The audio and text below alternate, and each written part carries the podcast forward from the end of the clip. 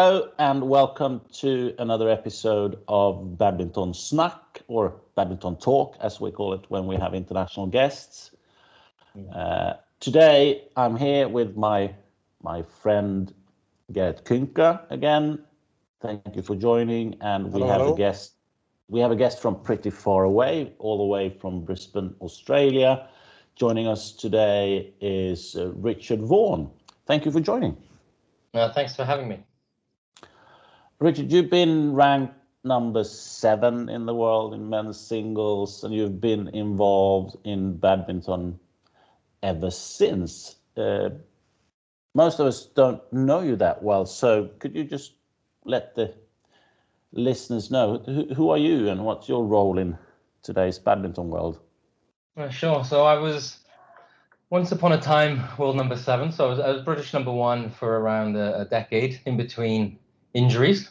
I think I competed with uh, Peter Rasmussen for the most injuries in my career. He had slightly better results, in fairness. Um, so after after playing uh, business and digital marketing space, uh, did my MBA and uh, CEO of Badminton Ireland for about years, and then I've been in Australia now for five years as CEO of uh, Squash Australia.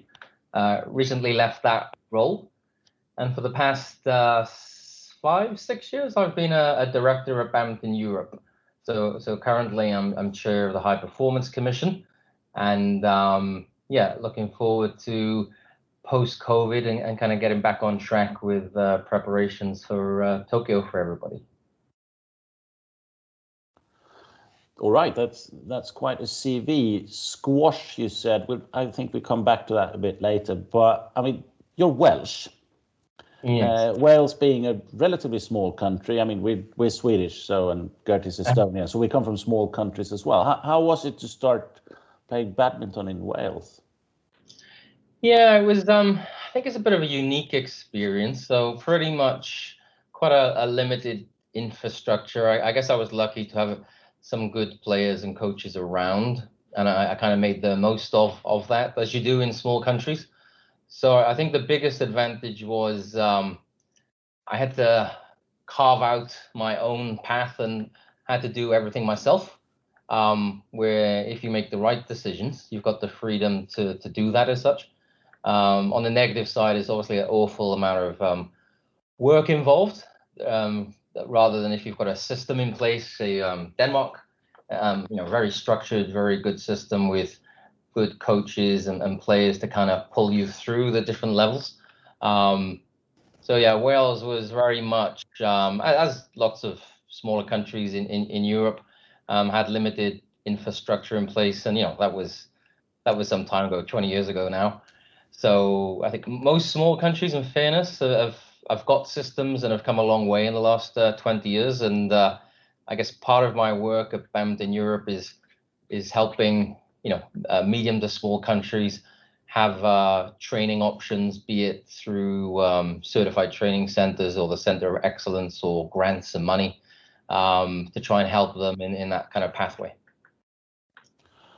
All right. Uh, eventually, though, you ended up in Milton Keynes and the National Badminton Centre there, and you, as you said, you were number one in the UK for for ten years. Uh, how, when did you realise that badminton was your thing? When? How old were you when you sort of said to yourself, "Okay, this is what I'm going to do for the rest of my life, Yeah. more or less"? So I, I was lucky. I used to play. I had a, a cousin used to play with me, so we were double, a good doubles pair. So number one in uh, UK, you know, up to 17, 16, 18, um, and he had all the brains and kind of went off and did his studying and wanted to be a pilot and PhD. So he stopped playing. So then um, I kept playing. So I, I didn't have the uh, the IQ or, or want to do a PhD. So um, yeah, my interest was always sport. I used to play football as well to, to good level. Um, so at, at 17, um, I was probably number one or two in Europe in my age. Um, stopped playing football and uh, was kind of focused on on badminton. Unfortunately, I had, I had quite a big operation, um, quite a big injury when I was 18. Um, so I had a what they call avascular necrosis in my hip.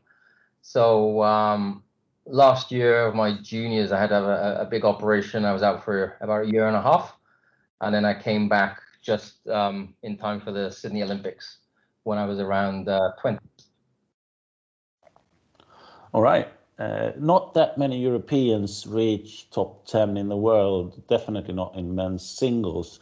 But how, how has that mm. sort of background, how has that helped you or how has that formed you as a professional after your badminton career?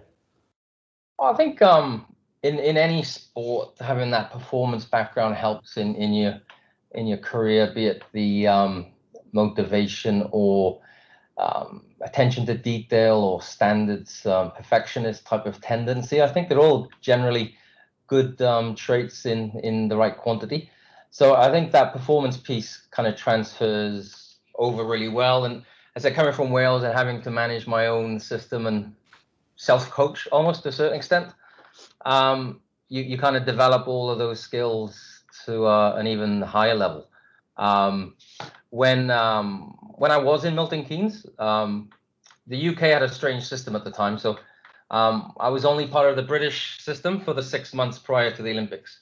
So outside of that, that was very much still had to look after uh, my training, be it uh, I was at Bath Uni, um, I was in Denmark in Brøndby uh, training. Um, and then for the six months uh, before an Olympics, I, I, could train out of Milton Keynes. So um, yeah, it was making the best of all those situations and then really, you know, transferring that across to the, the business world really and all the uh, lessons and traits that you uh, learn. But um, Richard, um, the last position you have had, you've been director of squash in Australia. Mm. Um, how is it to work with another racket sport? You've been in badminton world all your life, and uh, suddenly you're working with uh, with squash. How has that mm. been? And have you been able to uh, take all the things that you've learned in badminton into squash in Australia? Yeah, look, pretty much the same, and I think that's why I, I wanted to move into another sport. Um, so I had, I had, four really good years in Ireland, um, and I was really tempted to stay because we had uh, Nhat Nguyen, who was probably world junior number one at that time, and a good system in place. We had the Magee's, and we had a training center, and, and Scott was still playing. Um, but I guess I wanted that a different challenge of trying to do the same work in a, in a different sport. Um, in, in in a good way, it was easier within badminton because I was just so connected, and you kind of are able to make judgments based on uh, on feeling and um, and the art of making a decision rather than the logic. Um, so I wanted to try it in, in a different sport where I had to uh, apply logic a bit more and, and, and more business um, thinking. So to be honest, um, I had lots of questions before I started in squash, but um, finishing after five years, um, I found it pretty much the same. You know, um, I'm not, I'm not coaching. You know, I tend to be doing um, putting systems in place and strategy and activation and motivating staff and making some difficult decisions around resourcing. And um, it's been, you know, 100% the same, really. You know, you've got your your coach education, you've got your performance piece, you've got your your marketing and the brand piece. Mm-hmm. Um, you still got your behind you know your finances and your governance. Um, they're they're they're all the same.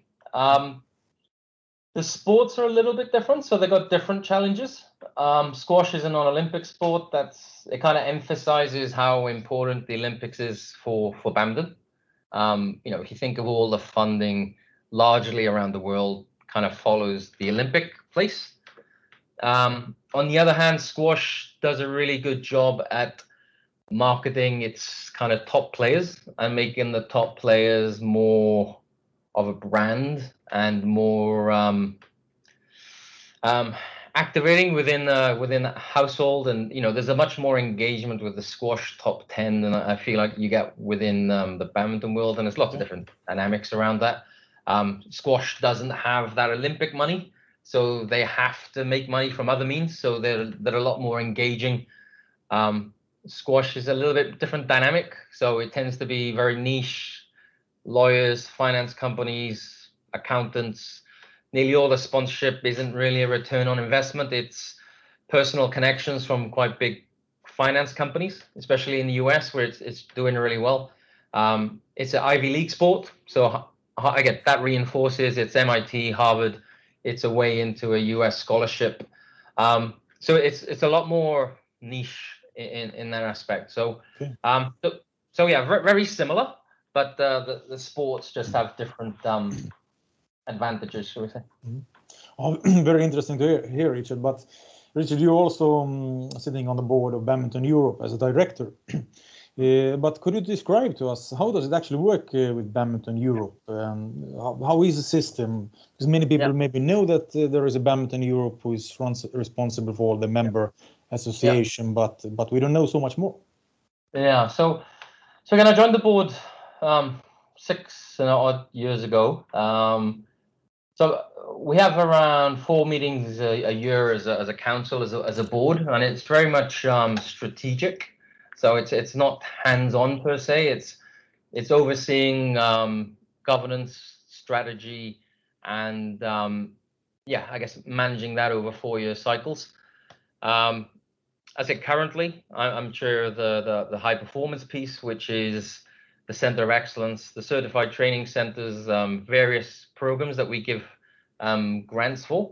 And we, we have a special new project with um, the medal um, elite nations for around um, Olympic success and another um, European kind of high performance coach education program, which which is not launched yet, but w- will be launched. So, um, so my piece is very much in that strategy and and and governance uh, overseeing uh, role.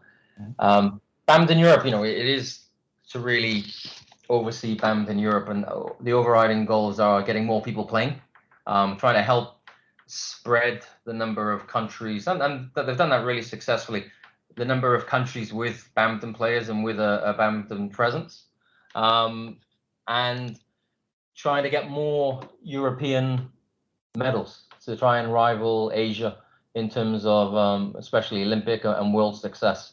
Um, so that's the longer term goal in that high performance space is very much trying to raise the standards overall. And, and, over 20 years, I think the standards of all countries in Europe has increased, and undoubtedly, you know, there, there's so many countries now with with good players. Um, Carolina Marin's a great example in terms of uh, Spain and Olympic medals, world medals. Um, but we're, we're probably still struggling overall in terms of being equal with Asia in medal count and spreading that medal count uh, further.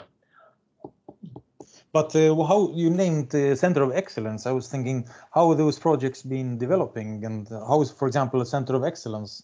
Yeah, It's been yeah. opened Uh, in Denmark for a, now a few Yeah. years, I think. How is it be going? Yeah. And uh, do you have plans to open some more, more uh, centers in Europe?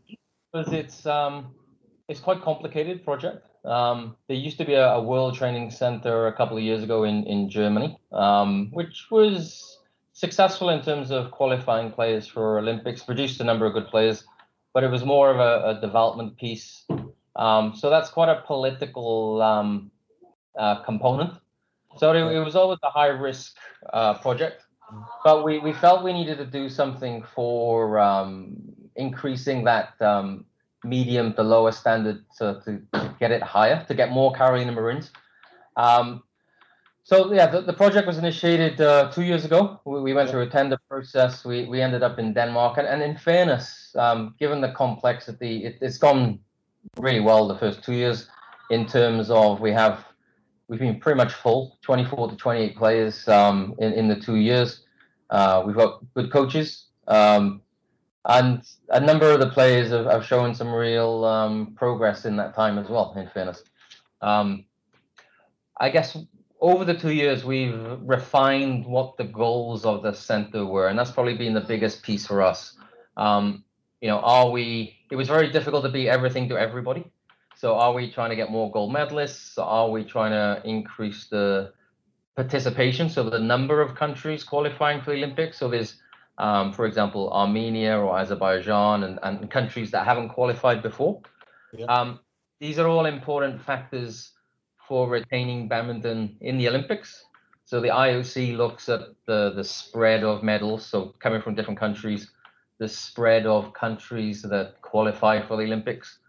So we, we've looked strategically at what we can make a difference with. Um, and with that as well, we've engaged the, the top medal winning countries. and um, ask them, you know, what we can do for them in terms of um, collaborating and trying to help uh, improve that um, kind of the World Championship Olympic medal uh, piece. So that that's been good. So that's been a lot of engagement the last year. We've run a number of um, high level camps, singles, doubles, mixed, Yeah. and um, there's good, hopeful collaboration in the future in that space. And like I said the Center of Excellence. Um, it was always a development piece up until the Tokyo Games, and then it was always intention to um, increase the level and, and the standard past Tokyo through to Paris. And um, yeah, we're probably ahead of expectation in, in the first two years, but there's a lot of hard work to go as we try to increase the, the quality and the, and the level. Yeah, but uh, how does it? Uh, another question: When we speak about center of excellence, how do, how do you finance it? Or badminton Europe, do you did a lot of uh, cooperation with the, the member associations, or, or how does it work? Uh, if you, it- Thankfully, Sweden pay a lot of membership fees, and we use Sweden's fees. Not only. Um, I thought so. Largely, the the, the center's um, self-financing. So um, the the players typically pay. Um, now that's different for everybody. So some of the players have Olympic solidarity grants. Mhm. So they get they get money through solidarity. Um, we have some players in from different continents, so they get BWF grants or solidarity, or their countries pay. Um, a number of the players in Europe, the, the national federations pay. A number of the players pay themselves. So we would typically find them a club, um, and, and they would pay um, themselves. So the situation for every player is a bit different. Yeah. And in fairness, depending on the Olympic cycle, the situation is a bit different as well because Olympic solidarity and, and national funding comes in a year or two before before the Olympics. Okay. So next year, post Tokyo, there'll be a lot more um, self-financing and players having to to find those um, uh, revenue. In addition, we we do give grants. So um, the grants that we give are typically um, for the best players within Europe and trying to spread the uh, number of countries that receive them. Um, and we also have the certified training center grants where um, players from the certified training centers can come. So we're having a lot more short-term stays, like two to four weeks, um, than we originally intended. But they've been um, a, a kind of a positive piece as well. Yeah. But uh, Richard, you also mentioned that uh, the, the, one of the goals for Badminton Europe is to to help European badminton or the players and the member associations to to be able to compete with Asian badminton. And Asia has been, um, ah, for example, China were leading uh, and winning very many medals at World Championships and the big tournaments. And, but what do you think? What more can Badminton Europe do? You see that you also mentioned uh, Carolina Marin and Spain, for example, and many countries have developed and Yeah. high the level. But what what more do you think you can do and the member association should do? You know, able Yeah. to be able to to high the level. Yeah, no, look, and, I think that's been with the Center of Excellence. That's been a, a kind of the key discussion thread through the the past two years, um, because that was definitely the main objective and um, discussion point at the start of the project. Um, with with Carolina Marin, shall we say? Um, it comes a lot of resources on on one player. So you know, to, to get an Olympic gold medalist, they need a lot of resource, a lot of attention. Um, where if you help um, players qualify for the Olympics, um, you can diversify that um, coach focus and, and funding. So it was a case of you know, do we try and get uh, uh, one medal, or do we try and help 15 players from different countries qualify for the Olympics? Um, and we're trying to balance somewhere in the middle. Um, so specifically for the medals, we've been talking to, as I said, um, World Championships last year, Danish Open just gone. There've been a number of meetings with the top countries, um, trying to encourage them to collaborate on camps, uh, cooperation around events. Um, we, we've looked at help around um, sports science, uh, physio, and, and and all of the kind of the support services. Mhm. Um, seeing where we can can help um, on a very uh, focused uh, basis. Um, again, a, num- a, number of the top players they they don't want to move from their um, home training hubs. Yeah. Um, a lot of them might have injuries that they're carrying, and you know they want to make sure they're in that environment that they can control. So, um, in terms of a center of excellence, there's it's limited. Um, it might work for some of the players, but it's limited in terms of helping all of them. Um, so we're looking at developing something very bespoke for for those top players, and you know we're, we're trying to help with funding and Mm. um, uh, trying to make sure that those things um, those things happen.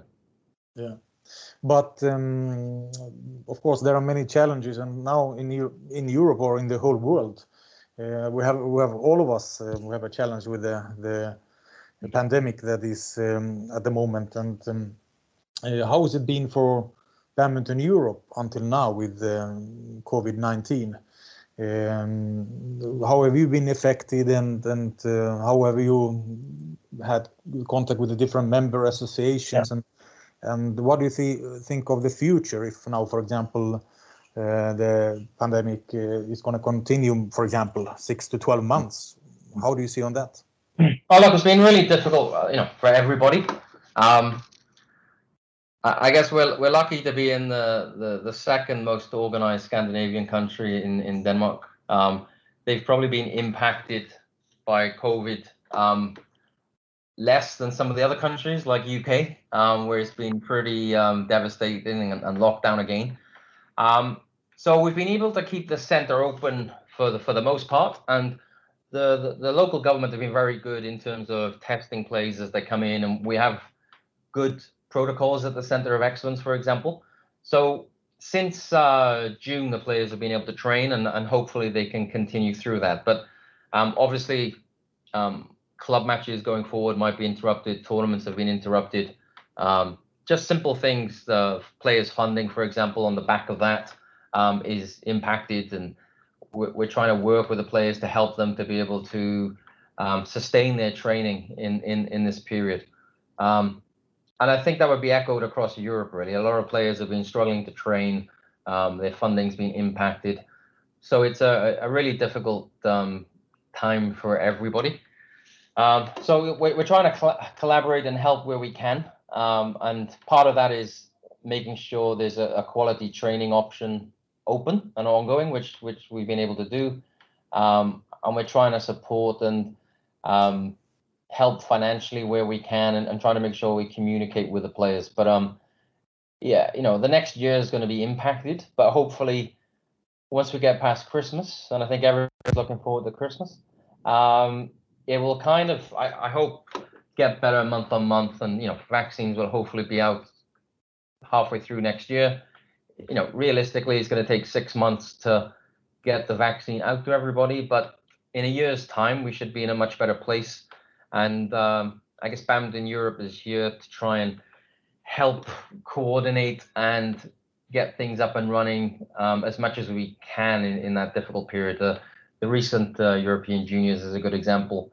Um, but there's there's a lot of work that, that goes in because of the protocols and the testing and um, for know, understandably frustrating for those that um, are locked down and can't get to the events or, or, or can't train.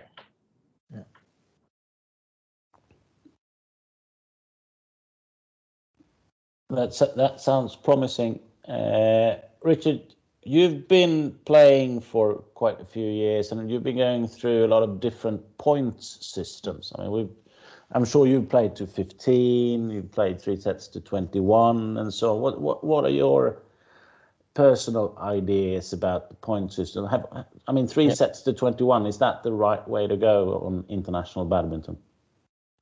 Oh, look, I think um, First of all, uh, from a player perspective, you, you tend to get used to whatever system you end up playing is. I think that's the, the reality, I guess.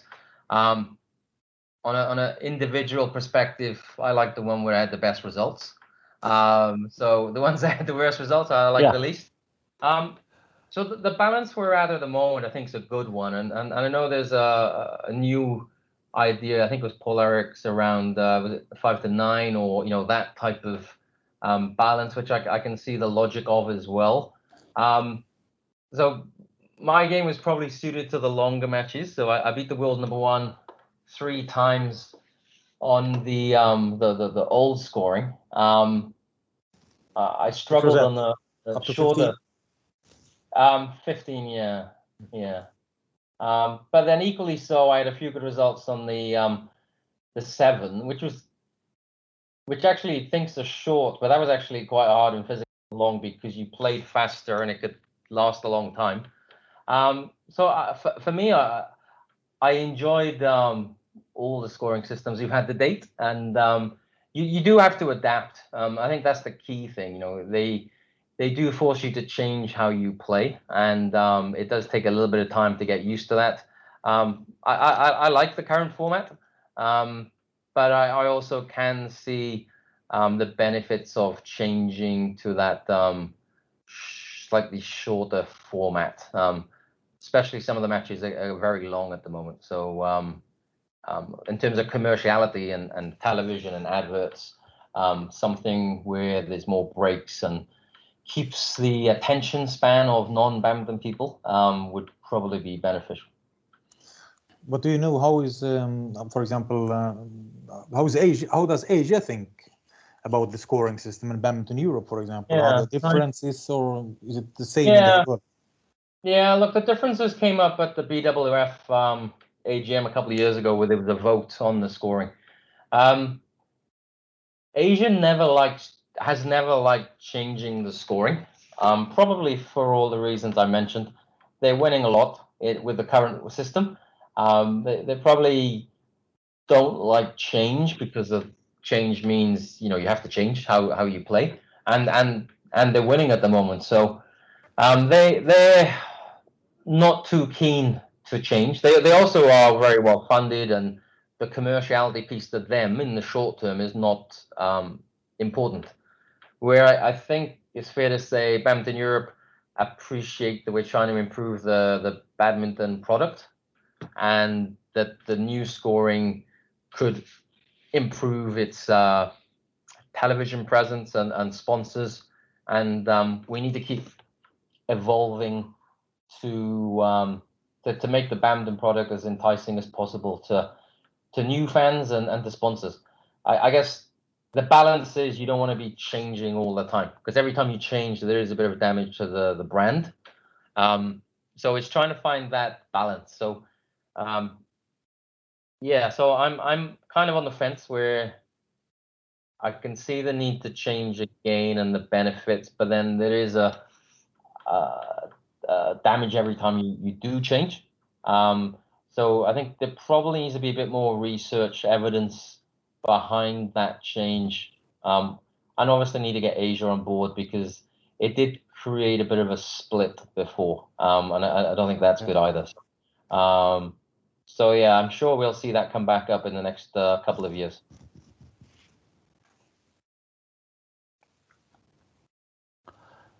All right. Uh, Gert raised his hand here, but I'm going to ask the next question anyway because it's another rule-oriented question. I mean, there's a new service rule being tried out now. You have the 115, 115 centimeters. What's what's your view on that? Yeah, we've actually, um, in terms of the High Performance Commission, we've asked member associations for feedback, and we haven't actually we haven't actually had much feedback. Obviously, it's more impacting the the doubles um, events. Um, so yeah, I'm I'm surprised there hasn't been a little bit more um, um, discussion around that. Obviously, some of the tall tall players like uh, Ivanov and one or two others would have been impacted more than others. Um, and I don't quite see how they uh, how that can be measured as, as you go down the uh, to club level as well. So um, I, I, I almost expected a little bit more um, pushback there. So uh, yeah, I guess um, I'm just surprised there hasn't been more discussion around that um, come back to uh, Badminton Europe really. Um, so yeah, I'll, I'll, be keen to see if anything else comes comes my way on that in the next couple of months. All right. Gert. Um, yes, uh, inter interesting thoughts. We will see how it will uh, develop with the Uh, uh, serve system. But um, there is um, you have different projects, and one of the projects that's been coming up is air badminton. And, yeah. and, now the summer is over, at least here in Sweden, it's a bit uh, cold and dark. Uh, so it's not so much air badminton uh, outside. But how is the launching been um, uh, for air badminton in Europe, and uh, what kind of response have you had from that uh, from different member associations, and what are the goals for badminton Europe with air badminton? Yeah, so so um, that was a BWF project launched last last year. Um, it hasn't quite filtered into the badminton Europe um, strategy um, objectives and goals yet, and, and it, it will do going forward. Um, obviously, COVID's had a big impact in in that as well. Um, look, a, number of countries, just some of the pieces I've seen: Holland, Russia, I think Finland. They've all run some really nice uh, um, pieces around um, air badminton.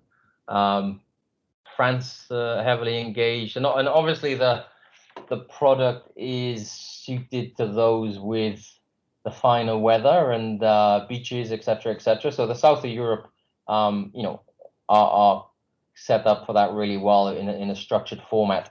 Um, one of the main issues in the past six months, I know, was there wasn't enough um, product and stock to, to go with the um, rollout. Um, so it's something that Badminton Europe will look at in the next year and and put some structure around. And at the moment, it's really been on a on a country by country basis, and largely that's because of the um, the, the ability of being able to get supplies and the actual shuttles and, and equipment. Um, but look, I, I, think it's a great product, great idea. Um, I can see the, the the logic of it. You know, a number of sports are creating spin-offs that can try and attract new audiences and raise awareness of the sport. So um, I think it can be used in in in that sense. Um, when I was in Ireland, we did something similar in, in the one week of summer that they had. We would do some fun activities on the beach that were packed with thousands of people, and you know, and people would just pick that up and just enjoy it as a as more of a, a social piece. But it was a really good um, advertising um, awareness to try and get them people back on the courts. Um, so yeah, I think once there's some structure around it, um, it can be really uh, useful and I guess looking forward to seeing how that pans out in the next uh, the next year. And obviously, COVID's had a huge impact, um, but it is outdoor, so less chance of getting virus. So it should be okay. But it's um, also been an idea to promote badminton, uh, I presume, yeah. uh, and to get more people to play badminton. And but how does it um, look in Europe? Uh, what should most of the countries do more in order to promote badminton? And what, what do they have as a usual um, problem, um, if we may call it that way? Yeah, look, I think the, the air badminton, like you said, you know, it, it might be um, outdoor festivals at a local um, council or um, university school. I think that air badminton allows you to take the the sport outside as a um, as a promotional tool. You can obviously run competitions and formats through that as well. But I think that's the biggest piece for me is that um, promotional tool in a different audience to um, to, to new people. Um, I think that the, probably the feedback we get from most countries is that they're just not resourced enough to manage what they're doing already, and that they can't do anything new.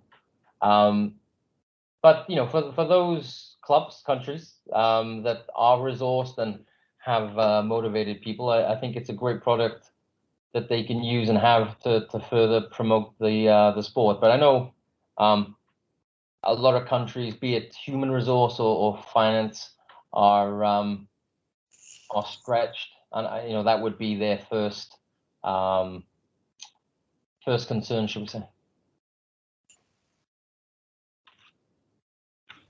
I mean, we, we all love badminton and so on, but what, what do you think, Richard? How do how do we promote the sport as such? How do we make more people involved and as passionate about sport as we are?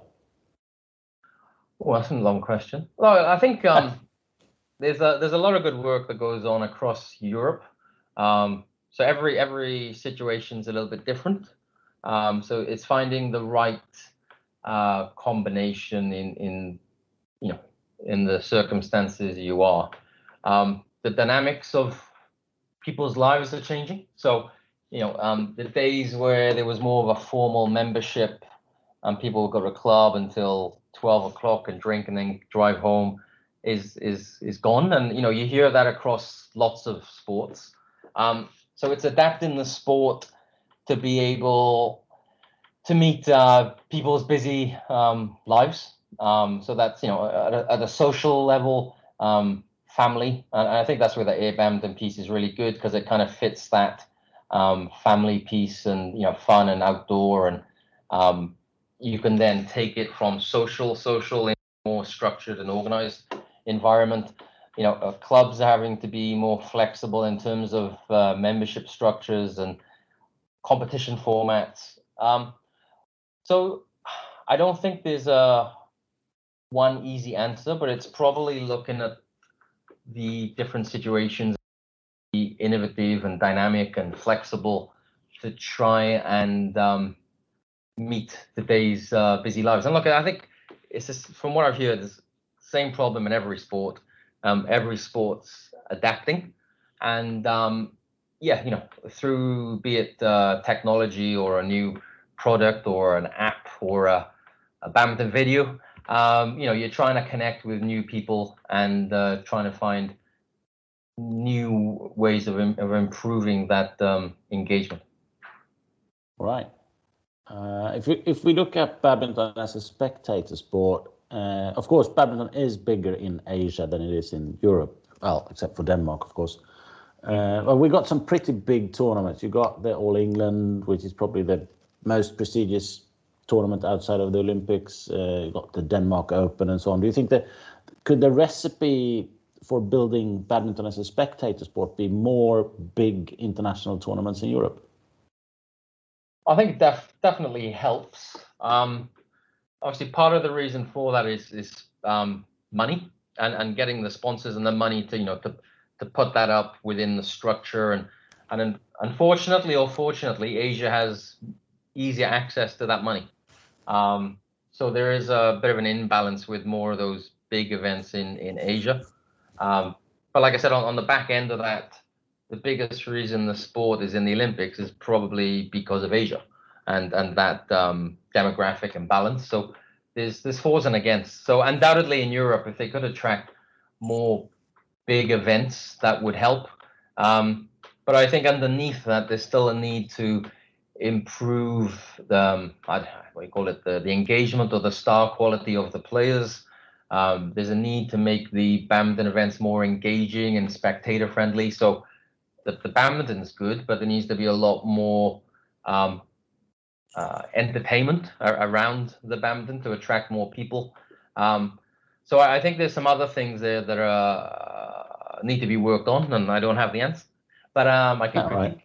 Um, but um, yeah, so you know, the worst thing is, you know, you put a big badminton event, two million dollars, and then, you know, you're not getting the return on the investment. So it's, I think the answer is trying to find the right formula to get the return on the investment in terms of that that funding, and um, it comes back to making badminton more of a um, entertainment.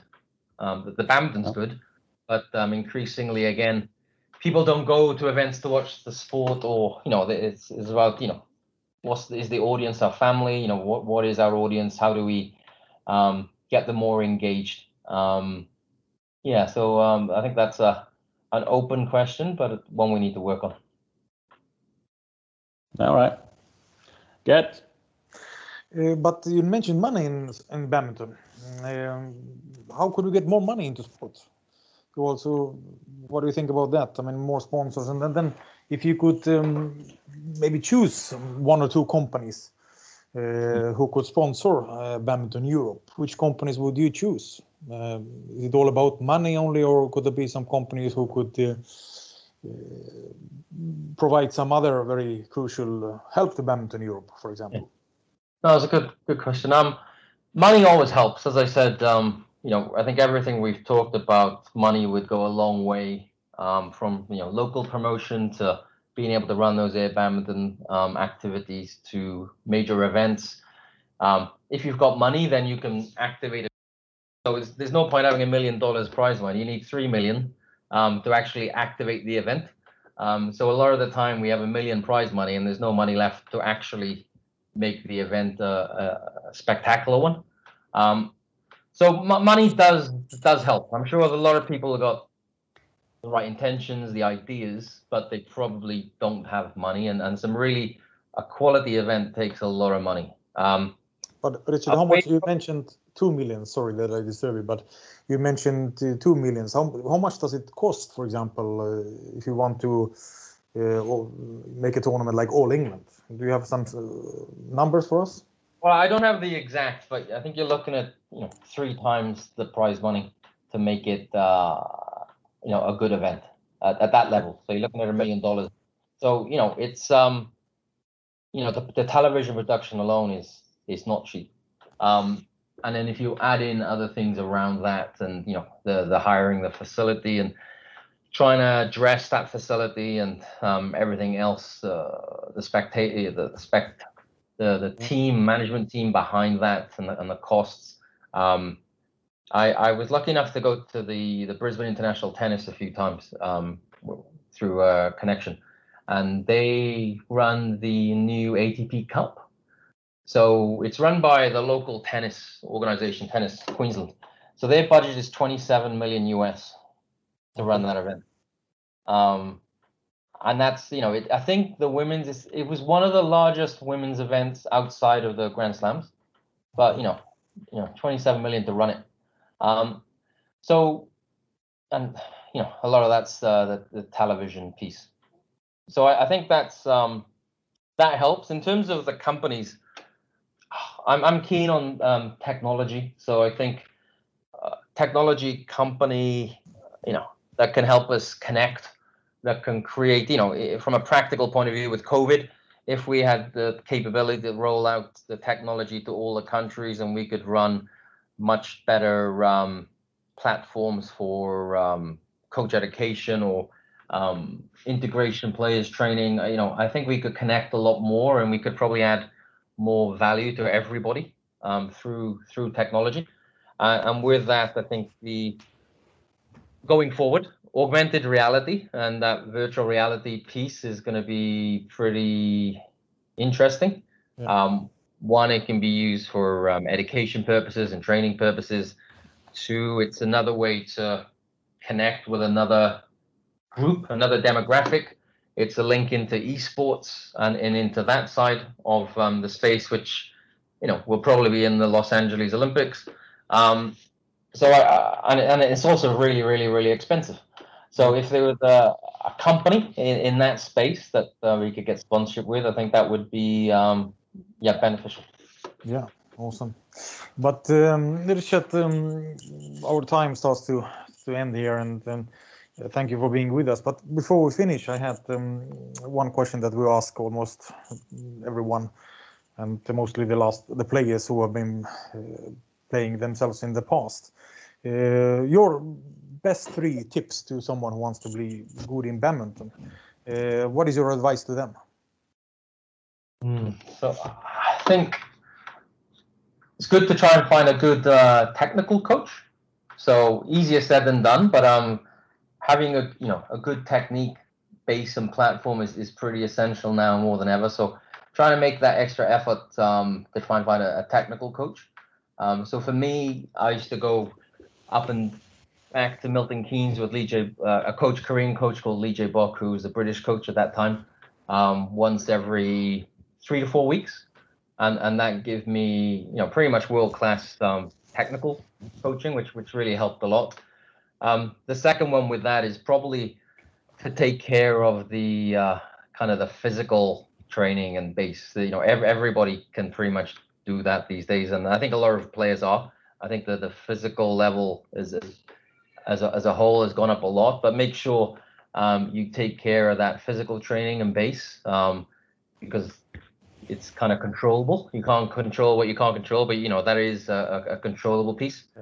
And um, I think most importantly, you have to you have to enjoy it. So I think you have to check in sometimes and make sure you're um, enjoying playing and you're enjoying being involved so much with the sport because if you don't, then it can be. Uh, I, I think I, I never really had to look at that, but um, from managing players and and uh, association point of view, um, it it's got to be fun and enjoyable, and you've got to want to to um, be dedicated and committing that much time to the, the sport. And, it, and if if it's not, then it I think it'd be quite detrimental. So it's good to uh, to check in every now and again and make sure you um, enjoy it. And and if you're not, then I think it's good to make an adaptation and and uh, make make a change, whatever. Uh, a new coach, new club. Um, you know, have a, have a small break to make sure that uh, when you do come back, you are enjoying it. Excellent. Uh, just one final question. Except for playing Gert Kuhnke, who's who's the toughest player you've played? apart from good. Um, toughest, well, toughest as in the ones that made me the most physically tired would be different. Um, look, the ones I probably struggled with the most were players like um, it was probably Peter Gade or um, one or two of the Chinese players that were more um, dynamic speed and, and and quite fast, should we say? Um, it was very hard, especially um, if you, you're slightly off the pace to come in and, and, play that level of player at the top of their game. Um, I, I preferred the ones that would sit on a court and be there for a couple of hours.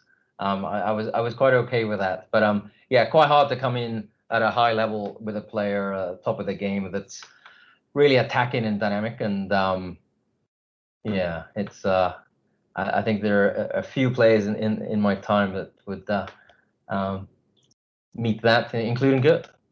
Yeah, well, I've actually not played on that level as you have, uh, Richard. So and uh, and I've never played against you, but I remember seeing you. I think it was if it was before quarterfinals or in quarterfinals in All England.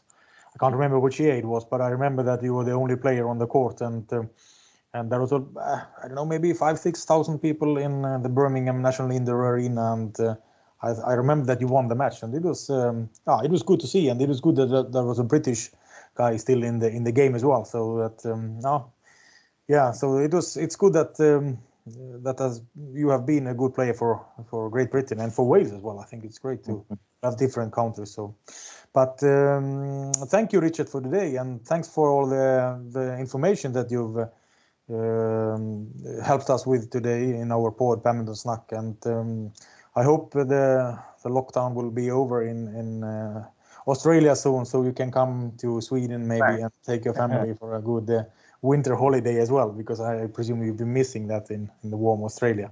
Well, no, I'm looking forward to coming back. So um, I've left my uh, my current role, so we're looking looking at coming back in the next uh, 12 months post COVID, hopefully. Yeah. Yeah, Richard, thank you, thank you so much. Uh, hopefully, we'll get together sometime in the future, share a VB, or mm. you can bring some Australian barbecue to to uh, Europe. But that that's all for us this day. Thank you, Richard Vaughan, and uh, see you soon. Cheers. Thanks very much. Thank you.